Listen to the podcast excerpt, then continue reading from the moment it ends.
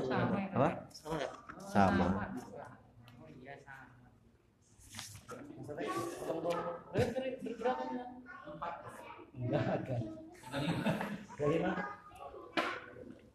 Ya, insya Allah kita mulai. Bismillahirrahmanirrahim. Alhamdulillahi rabbil alamin waliyus salihin wal aqibatu lil muttaqin wala udwana illa 'alal zalimin la ilaha illallah wahdahu la syarika lah. Wa asyhadu anna muhammadan abduhu wa rasuluh.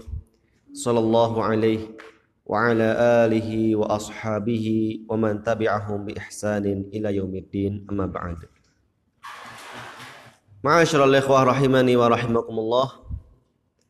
Fa insyaallah pada malam hari ini kita akan mempelajari buku yang membahas tentang ilmu tajwid Al-Qur'an yang berjudul Zadul Qari yang artinya bekal membaca kalam ilahi. Karya Abu Humaid Fauzi bin Isnain. Dan insya Allah Anak akan memulai kitab ini bukan dari awal tetapi dari pembahasan makhraj huruf halaman ke-49 ya.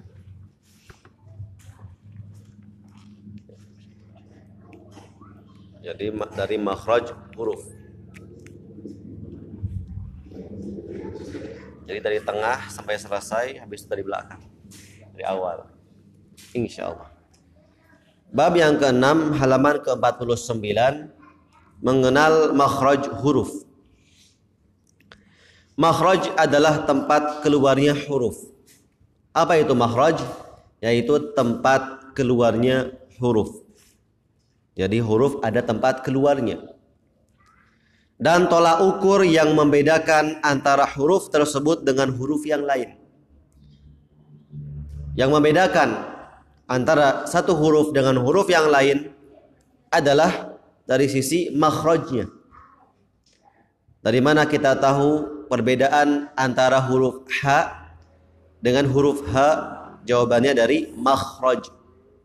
H tenggorokan bagian bawah, H tenggorokan bagian tengah. Ya, tulisannya berbeda. Kalau H seperti ini, kalau H seperti ini. Demikian pula huruf sin, huruf shin. Dari mana kita bisa membedakannya? Demikian pula huruf ta. Jawabannya dari makhraj huruf, tempat keluarnya huruf. Sehingga dengan kita mempelajari makhraj huruf, kita mengetahui di mana tempat keluarnya huruf. Sehingga kita bisa melafatkan huruf-huruf tersebut dengan benar. Kemudian beliau mengatakan Makhraj huruf adalah tempat keluarnya huruf dan tolak ukur yang membedakan antara huruf tersebut dengan huruf yang lain. Makhraj ada dua jenis, jadi makhraj ada dua jenis. Yang pertama adalah makhraj hakiki atau muhakkok. Makhraj yang sandaran suaranya jelas. Termasuk jenis makhraj hakiki adalah tenggorokan, lisan, dan bibir. Makhraj yang keluar dari tenggorokan contohnya apa? H dan H. Ini dari tenggorokan. Ada juga yang keluarnya dari lisan.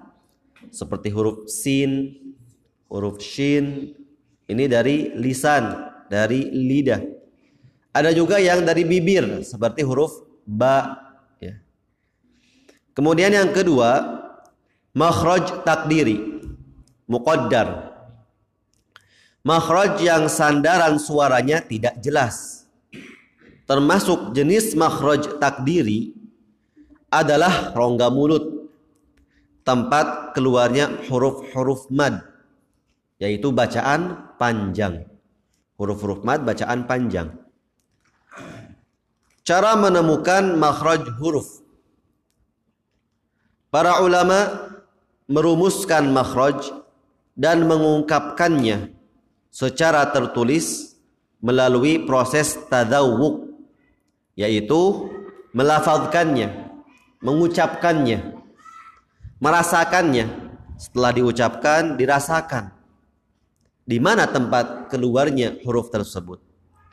Dan mengamati dengan seksama dan diamati dengan seksama.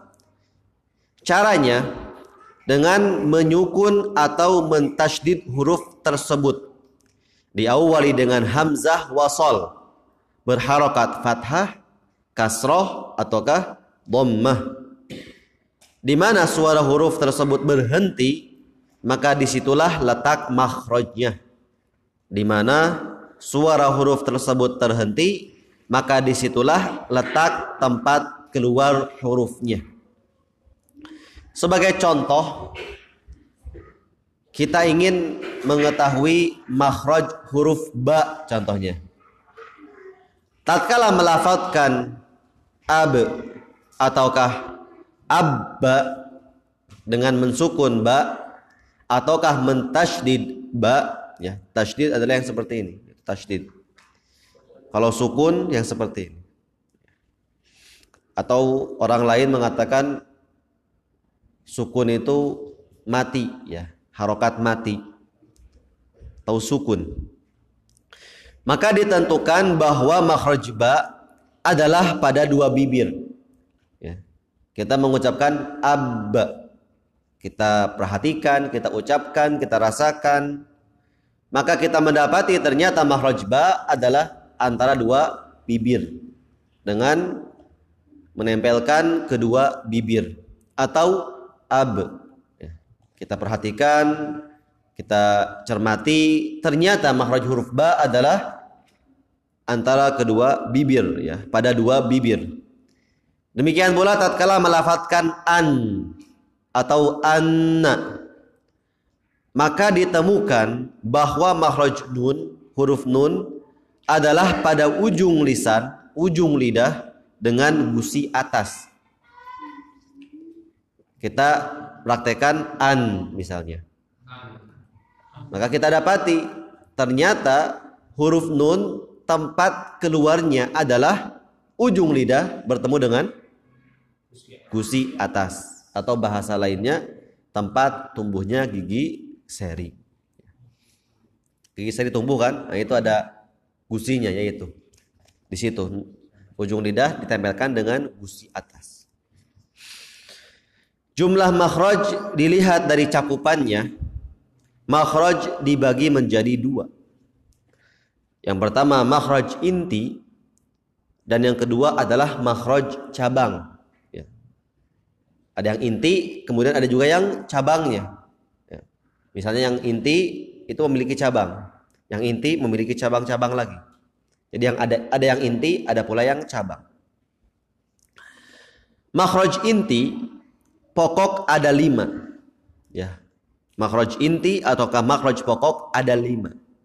Ya, ini yang pertama al-jauf. Al-jauf. Rongga mulut dari mulut sampai ke tenggorokan, rongganya. Kemudian yang kedua al-halq, batang tenggorokan. Lisan, eh, lidah. Syafatan, kedua bibir. Khayshum, rongga hidung ya, sini sampai ke tenggorokan.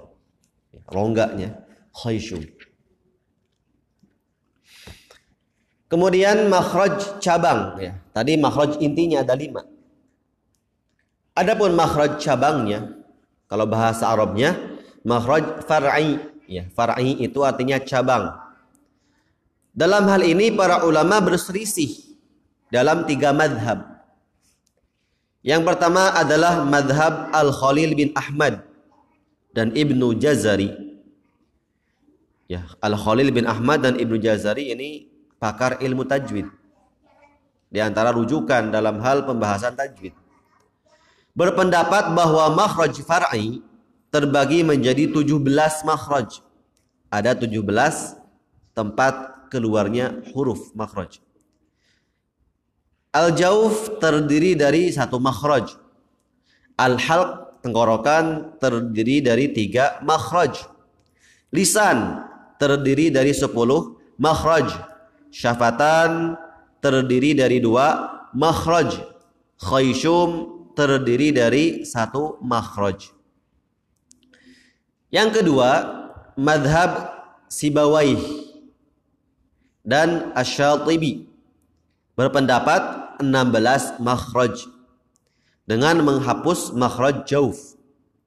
Yang ketiga, madhab Al-Farra dan uh, Qutrub berpendapat 14 makhraj dengan menghapus makhraj jauf dan meringkas dengan menyatukan makhraj lam, nun dan ro sehingga menjadi delapan bagian makhraj lisan. Kemudian kita akan membahas rinciannya. Rincian keterangan makhraj. Yang pertama adalah al-jauf. Adalah rongga. Ruang kosong yang memanjang dari lubang tenggorokan hingga rongga mulut dari rongga mulut sampai rongga tenggorokan atau dibalik dari rongga tenggorokan sampai rongga mulut. Jauf merupakan makhraj dari huruf-huruf mad. Ya, jauf itu merupakan makhraj dari huruf-huruf mad, yaitu bacaan panjang. Di situ ada gambarnya. Bisa antum perhatikan ada A, B, dan juga C. Yang A, alif yang didahului oleh fathah, yaitu A contohnya. A. Wawu sukun yang didahului oleh dhammah. U ya, di situ antum lihat gambarnya, bibirnya dimajukan. U. Kemudian yang ketiga, ya sukun yang didahului oleh kasroh. I Tiga huruf ini terkumpul pada kata utina atau udina atuni nuhiha wa utina ya u di na ya bacaan panjang dan inilah yang dimaksud dengan makhraj takdiri ya ini makhraj takdiri Tadi kan telah disebutkan bahwa makhraj terbagi menjadi dua. Ada yang makhraj hakiki, ada yang makhraj takdiri. Makhraj takdiri ini di antara contohnya. Dan inilah yang dimaksud dengan makhraj takdiri kata beliau. Karena mustahil menentukan bagian yang jelas menjadi sumber munculnya huruf tersebut. Di mana sumbernya? Ya. Tidak diketahui ya kan? Secara jelasnya. Sehingga dikatakan makhraj takdiri. Mustahil menentukan bagian yang jelas menjadi sumber munculnya huruf tersebut. Berbeda hanya kalau makhraj hakiki, ya. Makhraj muhaqqaq. Contohnya huruf ba. Di mana tempat keluarnya? Bibir ya. Diketahui. Sehingga dikatakan hakiki. Perhatikanlah huruf mad berupa alif. Huruf mad berupa alif dilafatkan dengan cara membuka mulut dan membiarkan lidah pada posisi aslinya. Digambar pada huruf A, ya, pada huruf A. A, ya, mulut terbuka. A, lidah tetap pada posisinya, ya. Coba praktekkan. A, ya mulut terbuka ya lidah tetap pada posisinya kemudian yang kedua wawu terucap dengan menghimpun bibir ya wawu terucap dengan menghimpun bibir ini bisa antum lihat pada e, gambar huruf B u ya u bibirnya terhimpun Ya. ya. seperti manyun kalau bahasa Sunda. U ya. Adapun ya dilafatkan dengan cara menurunkan rahang bawah. Rahang bawah diturunkan sedikit dan menarik sedikit bagian tengah lidah.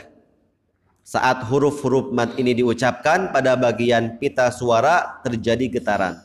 Ya, di situ ada contohnya itu ada gambarnya huruf C. Tatkala mengucapkan huruf i, ya, i rahang menurun. Kemudian lidah agak sedikit uh, ke belakang. Menarik sedikit bagian tengah lidah. Saat huruf mad ini diucapkan, pada bagian pita suara terjadi getaran. Pita suara terjadi getaran ya kan? A eh, getar. I u getar pita suara. Ini yang pertama. Kemudian kita akan masuki yang kedua al-halq yaitu tenggorokan. Adalah batang tenggorokan. Ya, batang tenggorokan sini. Antara dada dan rongga mulut, antara dada dengan rongga mulut. Ya seperti ini. Ini tenggorokan. Di situ ada gambarnya tuh. Kecil sekali ya. Usah dibacalah kecil. ya. Terbagi menjadi tiga makhraj huruf. Ya. Terbagi menjadi tiga untuk enam huruf. Tenggorokan ini terbagi menjadi tiga makhraj. Untuk berapa huruf? Enam huruf. Tenggorokan bagian bawah dua huruf. Tenggorokan bagian tengah dua huruf. Tenggorokan bagian atas dua huruf. Jadi enam. Setiap makhrajnya dua huruf. Makhraj artinya apa, Anas? Iya. Tempat keluarnya huruf, ya.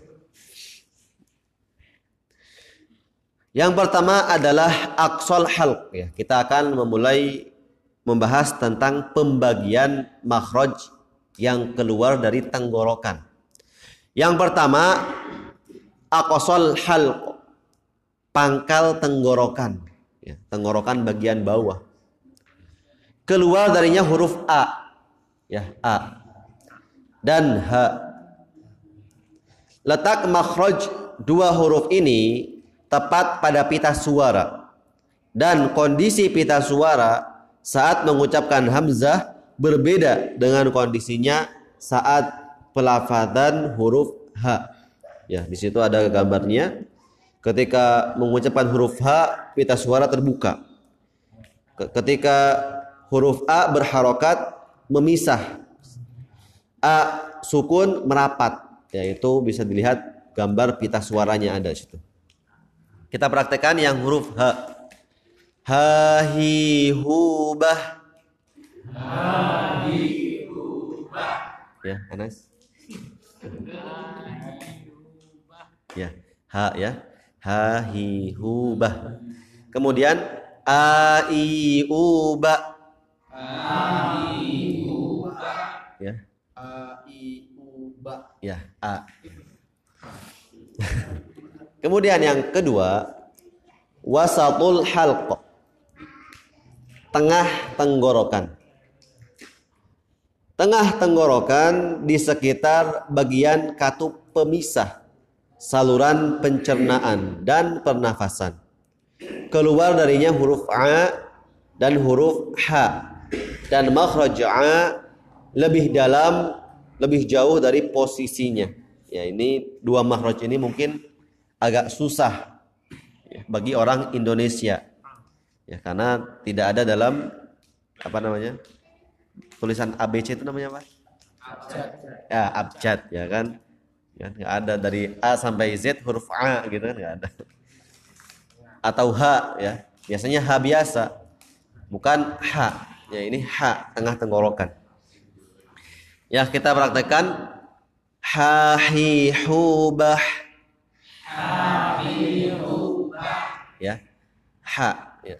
Kalau ter terlalu tinggi jadinya ho. Jadi ha hi hu bah. Ya jadi ho itu ketinggian itu. Tetap kala meletakkannya. Kalau jadi ha hi hu bah berarti itu kependekan. Itu malah mendekati makhraj huruf h. Tapi dia tengah. Ha hi hu bah. Ya. Ya. ya. Pak Sur. Ya. Ha. Ya. Ahsan. Ha hi hu bah. Coba. Tindak. Mas Taufik, ya. Hahi hubah, ya. Ahsan, ya. Pak Rukman, ya. Hahi hubah, ya. Eh, ahsan. Jadi terdengar terdengar lembut gitu ya. Terdengar halus, ya. Ya. Ya. Gantian lah, sinilah. Apa? Suaranya itu gimana ya? Dia ditaruh di tengah tenggorokan agak tipis gitu, Pak ya. Iya, agak tipis ya. Hahi hubah. Ya. Indak. Ya. Pak Taswir. Ya. Ha. ya. Hahi hubah. Ya, dilatih lagi ya. Ya, Mas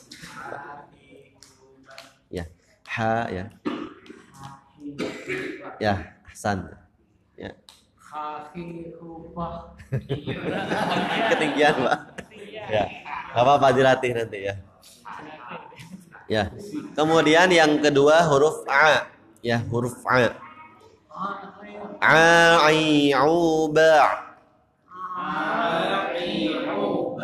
ya orang Indonesia sering sekali ketika mengucapkan huruf A sangat mirip dengan A, ya kan?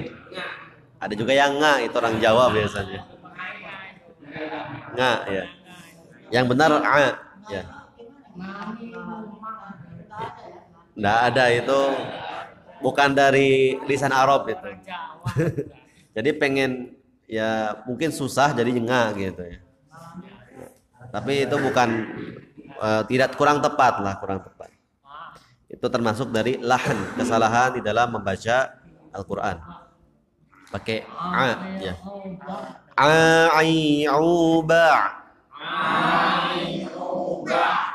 ya Anas ya. A i u ba. Ya. Ya. Ba. Ya. Ya. Ya.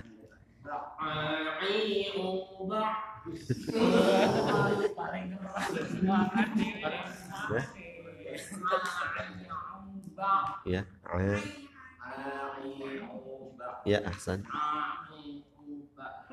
Ba. Ba. Ya. A'uba. Jadi tadi ngikuti kaidah yang tadi awal. A dibuka, a ai u ba. Ya. Kan?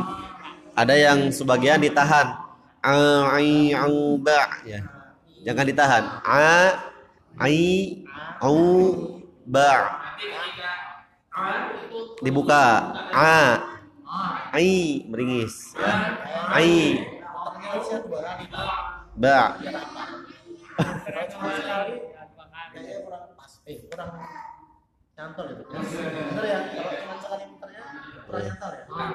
Nggak tiga kali. Ya ya ba. Jadi di dilatih sendiri nanti. Karena nanti bakal bakal terulang lagi dalam pembahasan sifat huruf bakal masuk diulang lagi. Iya.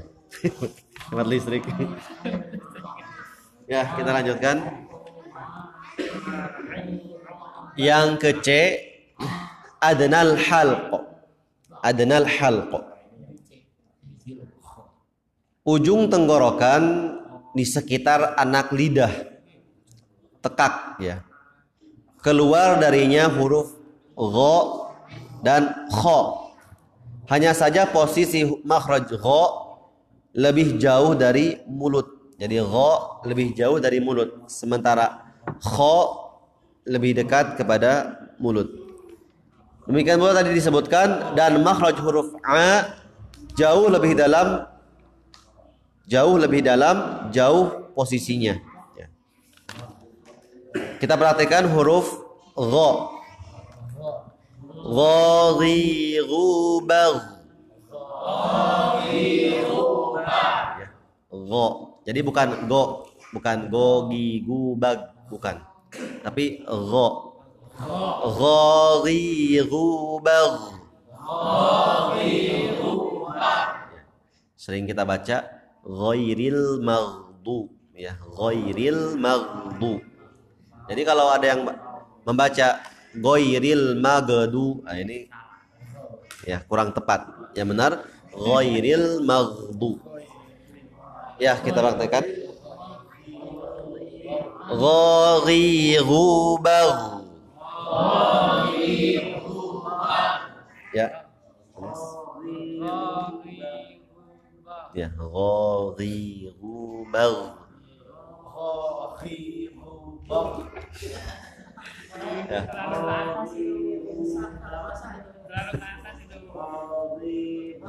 Bagh. Ya, ahsan.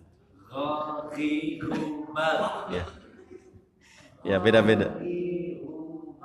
Bagh. Ya. Lew- lewatin. Ya. Ya. Ya. Ya, ahsan. Bagh. Bagh, bukan bagh, tapi bagh ngalir ya. Lidah pada posisinya ghairu bagh. Bagh, ya. Ya, bagh. Ahsan. Ghari ru ru bagh. Ya. Ghairu bagh. Ya. Kemudian yang selanjutnya huruf kha. Ya. Di- apa? Semua yang Bedanya bedanya ya beda lah. Yang satu satu kha, satu gho. Beda. Gho. Ya gho. Kha. Ya. Kha gho. Yang tadi gho. Yang tadi kha. Beda ya.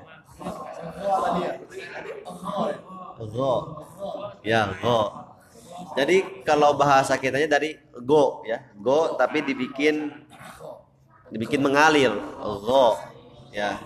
Kalau kho beda dengan go. Ya kita praktekkan kho khi khu bakh. Dan kho itu sifatnya tebal. Kho tebal. Go juga tebal. Go. Ri, khi, ru, khu, bagh, bagh. Beda kan? Ya. Ya kita perhatikan. Kho, khi.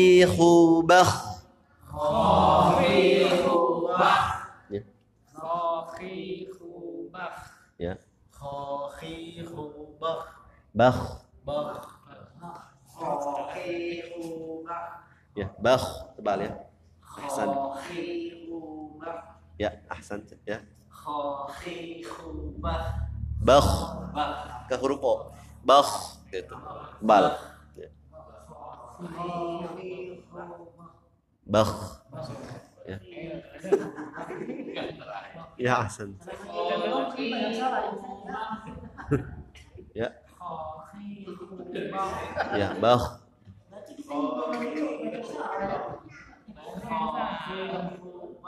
Bagh. Ya.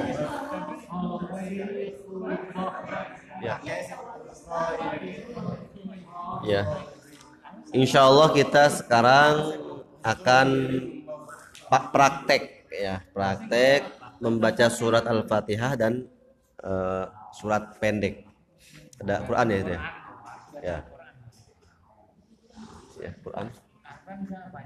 Ya. Bantu nas. Iya ya. Satu-satu kalau bisa lihat biar lihat Quran semua.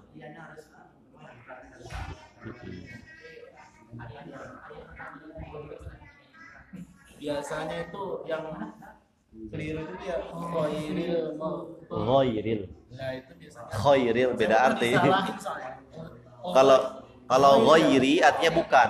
oh, khairil ya? Ya ghairil. Mag. mau Apa? dulu aku dulu apa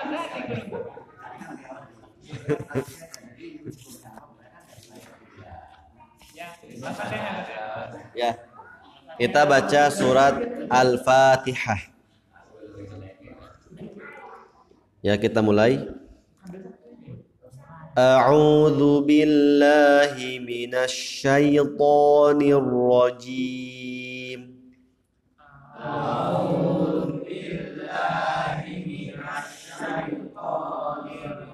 Ya. Tadi telah kita bahas pembahasan makhraj huruf A dan pembahasan makhraj huruf A. Ya, di sini a'u. Yang pertama A, yang kedua ain. A'udzu billahi minasy syaithanir rajim. Ya, coba dibaca. Baca ya. Ya, ya. A'udzu billahi minasyaitonir rajim. Ya, syaitonir rajim. Ya. Nanti kita akan membahas makhraj hurufnya. Bismillahirrahmanirrahim.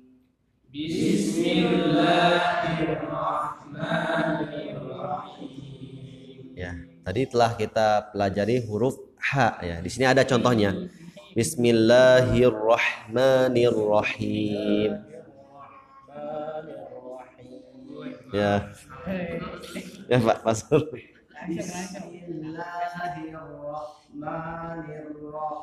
Ya, ahsan. Ya. Kemudian yang selanjutnya Alhamdulillahi Rabbil Alamin.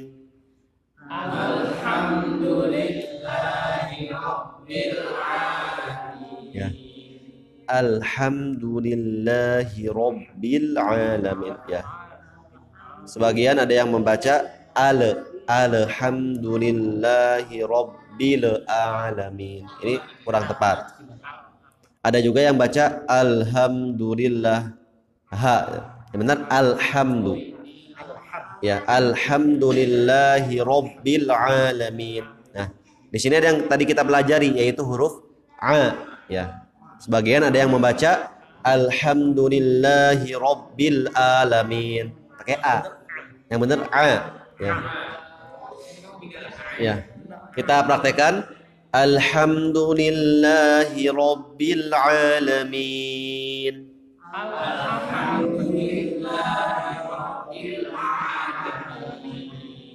Ya. Mas Taufik. Ya. Alamin. Jangan nggak A ya.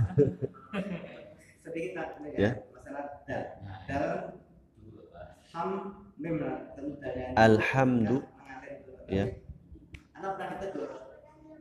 Terus anak pernah berubah. Alhamdulillahi Rabbil Alamin.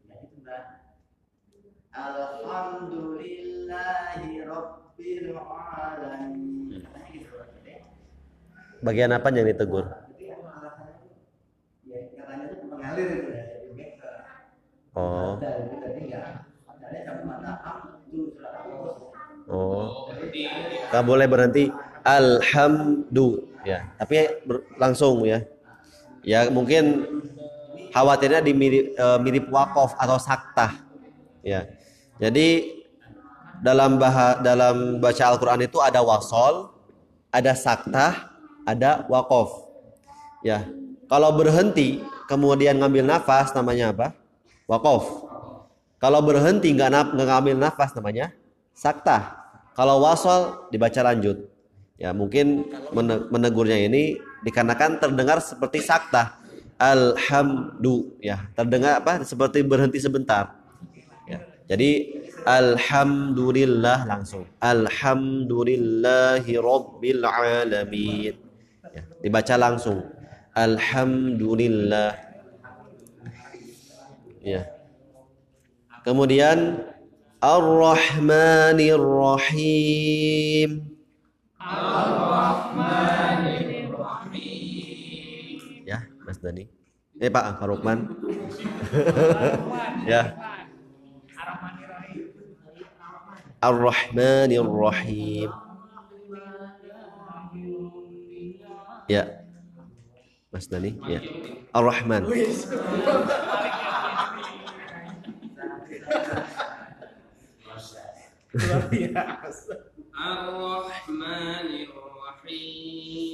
Ya. Maliki yaumiddin. Maliki yaumiddin. Ya. Ya.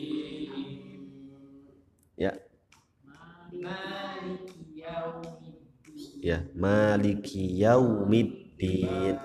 Ya, Bapak. Ah. Ya. Kemudian yang ke ayat kelima. Iyyaka na'budu wa iyyaka nasta'in.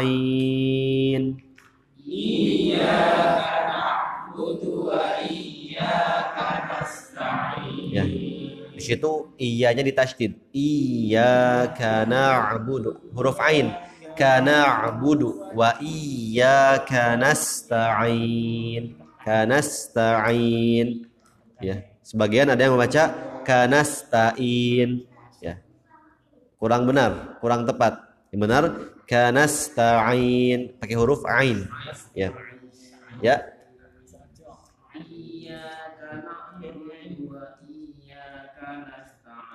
Ya, ahsan, ya. Iyyaka na'budu wa iyyaka nasta'in. Ya, kanasta'in. Iyyaka na'budu wa iyyaka nasta'in. Ya. Kemudian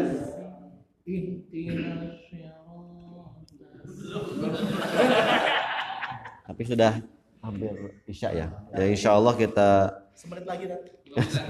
cukup lah ya persiapan. Ya. Ya.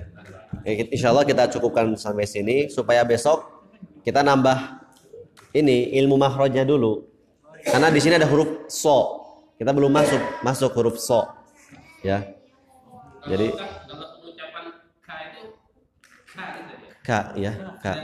Nafas yang kuat gitu ya. Iya. Jadi jadi nanti akan ada pembahasan sifat huruf di antara sifat hurufnya K mengalir nafas. K dan ta, ya, K dan ta. Adapun yang tidak mengalir nafasnya ada huruf O. Kalau kof nggak keluar nafasnya. O. Ya. Insya Allah kita cukupkan sampai sini. Kita lanjutkan pada pertemuan yang akan datang. Bismillahirrahmanirrahim.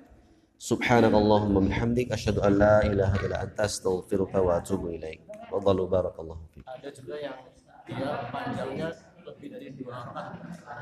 Alhamdulillahirabbil alamin. Boleh. Boleh. Kalau yang akhir